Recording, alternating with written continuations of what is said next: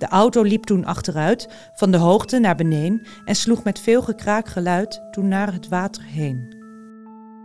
Men haalde spoedig langs de kap, zes mensen dood omhoog, die door verdrinking daar zo droef van het dierbaar leven vloog.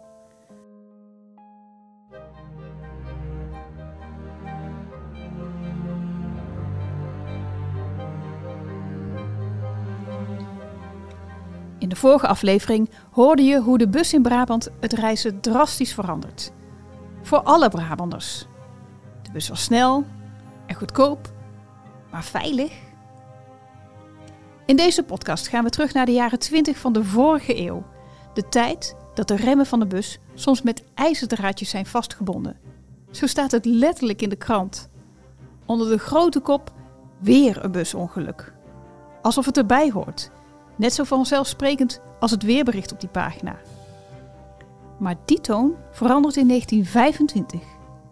Als een busongeluk verandert in een regelrechte ramp.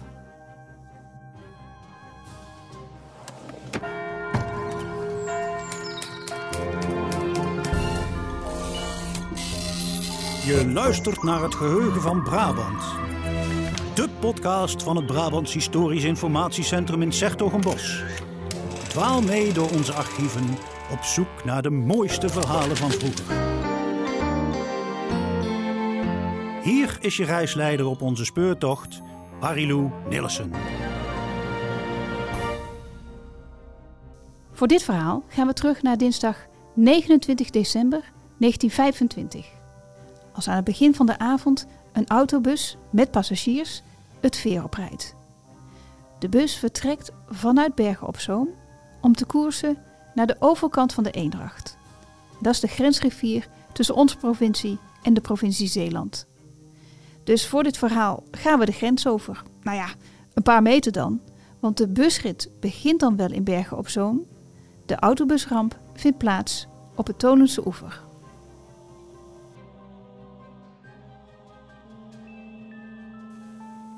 Aan den oever van een snelle vliet, nabij het Tolensfeer, daar is een ongeluk gebeurd.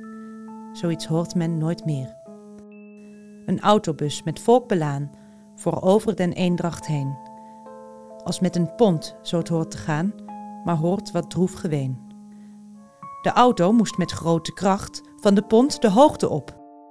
Maar ondanks kracht en bestuursmacht zette zij zichzelf stop.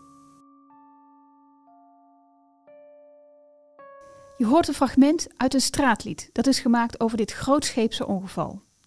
Straatlieden waren lange tijd het middel om snel het laatste nieuws te verspreiden. En hoewel dat fenomeen in de vorige eeuw aardig op zijn eindje liep, was deze gebeurtenis heftig genoeg om erover te schrijven. En mijn collega Anton daalde af naar onze archieven om te zien wat daar te vinden is over deze ramp.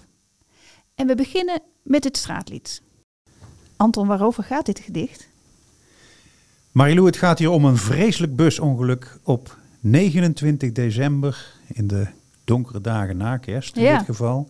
Eh, 29 december 1925, eh, wat plaatsvond bij het eh, veer tussen de Auvergnepolder in Noord-Brabant en het Zeeuwse eiland Tolen.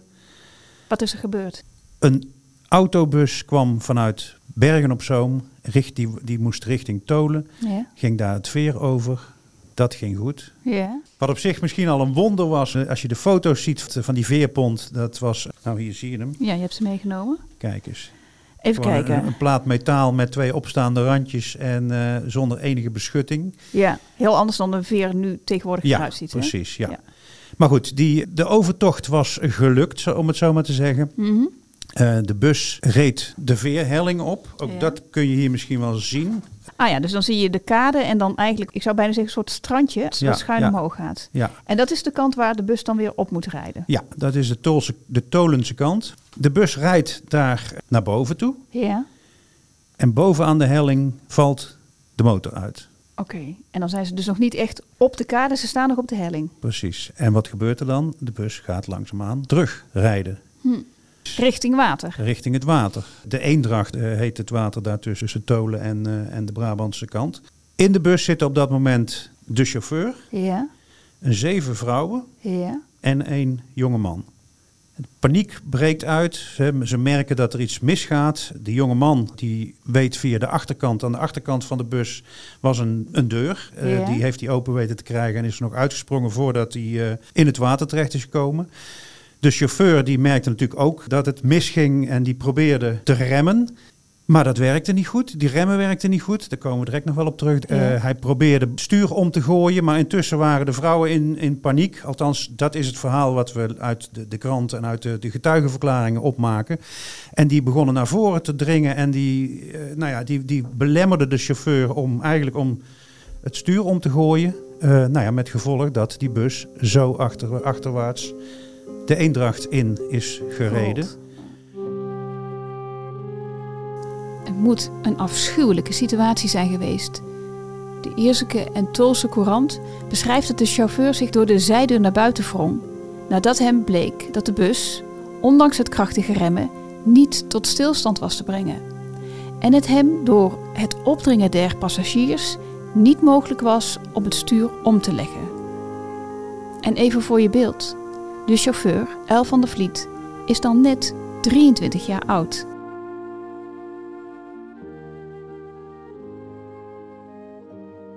Eh, de chauffeur zelf, die is nog via de zijdeur, waar, naast zijn, zijn stoel zeg maar, nog naar buiten weten te komen. Ehm, maar die zeven vrouwen die daarin zaten, die zijn eh, in de bus gebleven ja, en ja, jammerlijk verdronken. Ja, in de bus gebleven, want die konden er niet meer op tijd uit. Nee, nee, die zijn er niet meer uitgekomen. Ja, het water, ik zeg al, het water was daar meteen al een meter of vier, vijf diep. Eh, het water, het was midden in de winter. Het was, in principe was het niet eens zo heel koud, hè. het was een graad of tien. Maar eh, het water zelf was, ja, was maar iets van 5 graden. Nou ja, dan word je meteen denk ik bevangen door de kou. De auto liep toen achteruit, van de hoogte naar beneden en sloeg met veel gekraakgeluid toen naar het water heen. De chauffeur, ziende dit gevaar, deed nog zijn uiterste best, maar helaas was nog onmogelijk en redde zich nog op het lest. Een vreselijke stonde was het, die mensen al te gaar, behalve één die nog door het glas zich redde uit het gevaar. Men haalde spoedig langs de kap, zes mensen dood omhoog, die door verdrinking daar zo droef van het dierbaar leven vloog. Het ongeval is groot nieuws. De kranten schrijven er veelvuldig over. Vooral de ooggetuigenverslagen leveren dramatische passages op.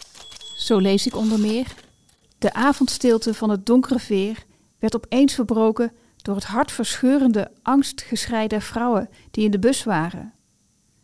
Maar ondanks dat hartbrekende hulpgekrijt was het onmogelijk hulp te verlenen, daar de bus terstond meters onder water stond en er zelfs geen schim van was te bespeuren.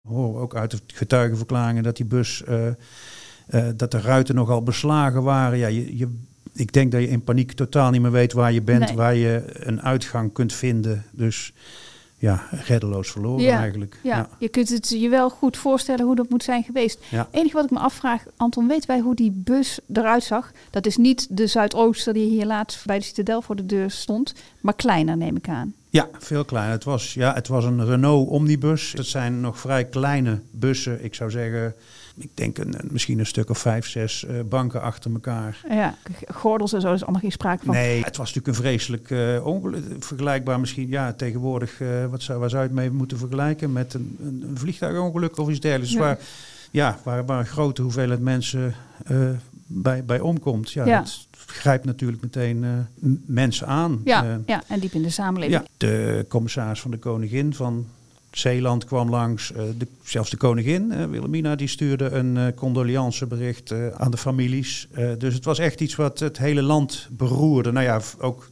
ook dat eh, Gedicht, hè? gedicht, dat Wat verliet, dat, eh, ja, dat, dat, dat wijst daar natuurlijk op. Nu treurt men in familiekring en ook in tolen zeer, want ach, een moeder kwam ook niet van elf kinderen weer. Men vond nadien het zevende lijk nog van een meisje daar. De eendracht gaf ten volle blijk van haar stromen en gevaar. Men spant al 75 jaar met den mond een brugverbintenis. Wie weet hoeveel droefheid nog daar zal komen, eer ze er is.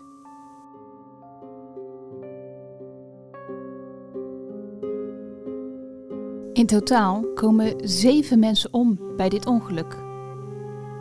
Maatje Krijger Catharina van Dijken Krijger, Louise Kesselaar, vrouw F. Franke en haar dochter Gietje en mevrouw C. Hageman samen met haar dochter, die die dag precies 16 jaar was geworden. Hun namen vinden we terug in onze archieven, tussen alle stukken van onder meer de rechtbank. Ja, in ons archief uh, zijn het vooral de rechterlijke stukken. Hè. Dus uh, er werd natuurlijk meteen een, een, onderzoek gedaan door de arrondissementsrechtbank Breda. Daar viel Tolen onder. Daar komt vervolgens ook een rechtszaak tegen de chauffeur. Uh, meneer Van der Vliet dat hij in de uitoefening van enig ambt of beroep aan zijn schuld de dood van een ander te wijten had. En uh, de chauffeur werd dus uh, ja, nalatigheid ten laste gelegd. Maar ik begrijp uit jouw verhaal, de motor viel stil. Daarna ja. heeft hij de remmen werkte niet naar behoren. Ja. Maar dat krijgt dan de chauffeur voor zijn kiezen? Ja, wat hem eigenlijk kwalijk genomen was dat hij niet zou hebben gecontroleerd of de remmen goed werkten. Mm. Bij het onderzoek, hè, er wordt een heel, in, heel technisch onderzoek gedaan er komen ook allerlei technische deskundigen aan het woord. Bus had twee In dat technisch rapport lees ik dat onder meer de voetrem in een zeer vette toestand verkeerde, waardoor deze slipte.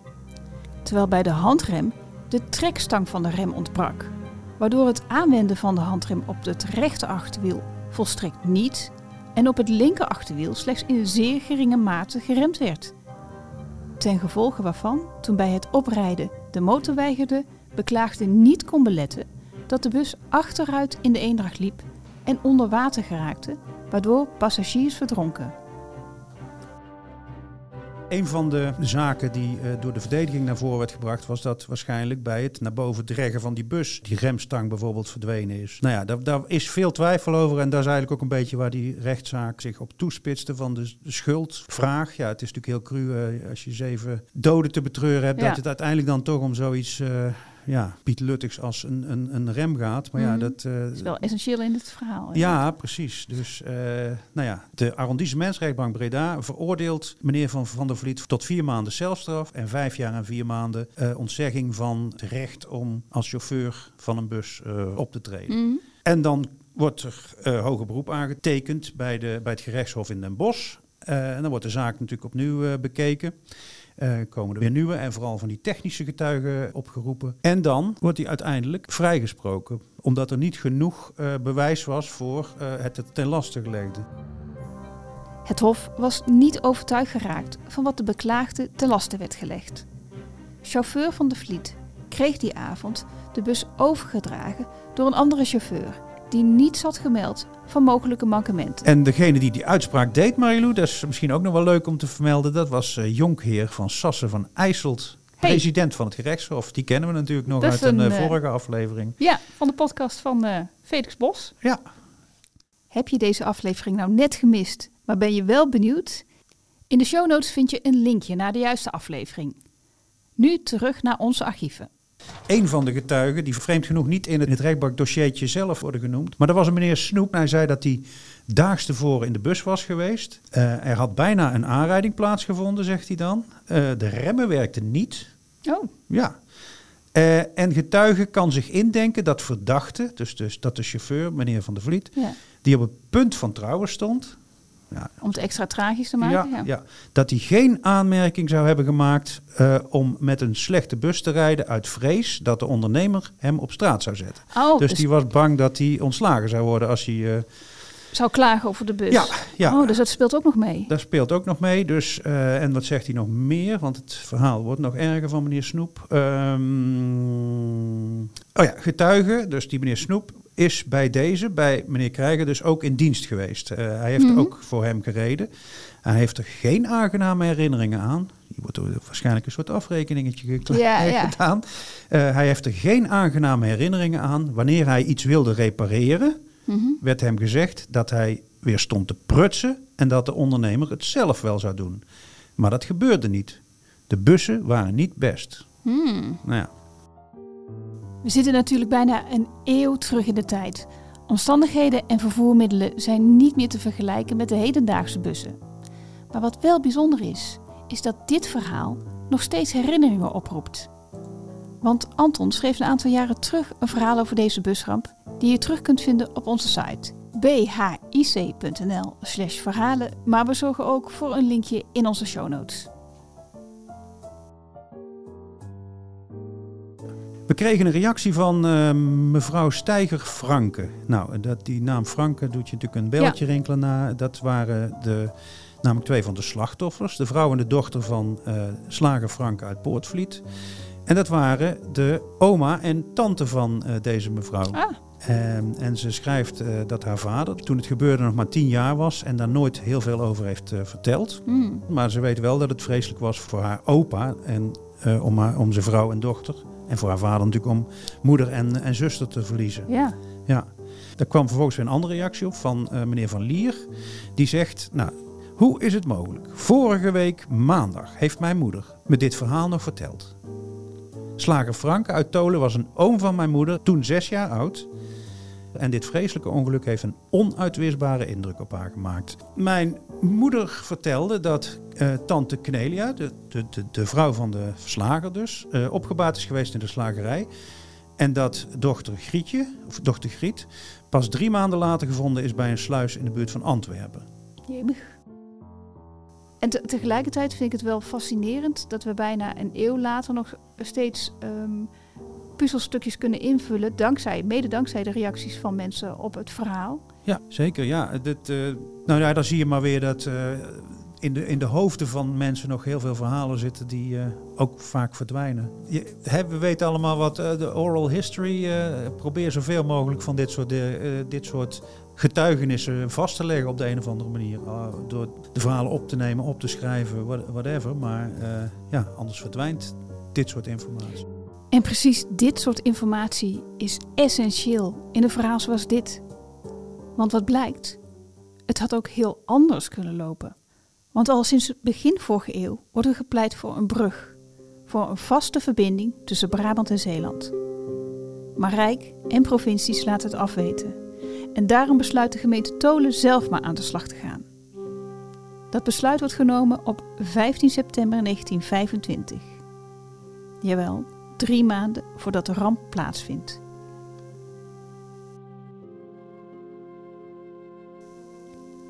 En dan duurt het nog drie jaar voordat de brug eindelijk klaar is. Als de opening wordt gevierd, is er hoog bezoek. Van jazeker, de minister van Waterstaat, Van der Vechten, en de commissaris van de Koningin van Zeeland en Noord-Brabant. En tussen al het feestgedruis zijn er nog ongeveer twee regels voor de zeven mensen die in 1925 omkwamen bij de ramp met de autobus en het veer, omdat er toen vrijwel niemand geld over had voor een brug.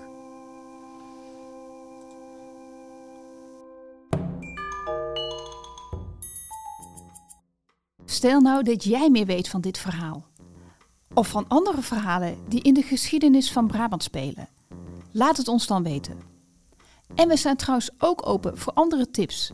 Want wist jij bijvoorbeeld dat buschauffeur Robin Aarts zelf voorstelde om met die oude Zuidooster naar de Citadel te rijden en daar zijn verhaal te doen? Heb je die podcast gemist? Stap dan nog zeker even in. Want daarin vertelt Robin hoe reizen door Brabant voor altijd verandert door de bus. En wees gerust, want met goed opgeleide chauffeurs als Robin en de hypermoderne bussen van nu kan jou niet zo voorkomen. En oh ja, het straatlied over het ongeluk werd voorgedragen door Iris Schreuder. Kijk op bhic.nl slash podcast. Daarin vind je alles over al onze podcasts.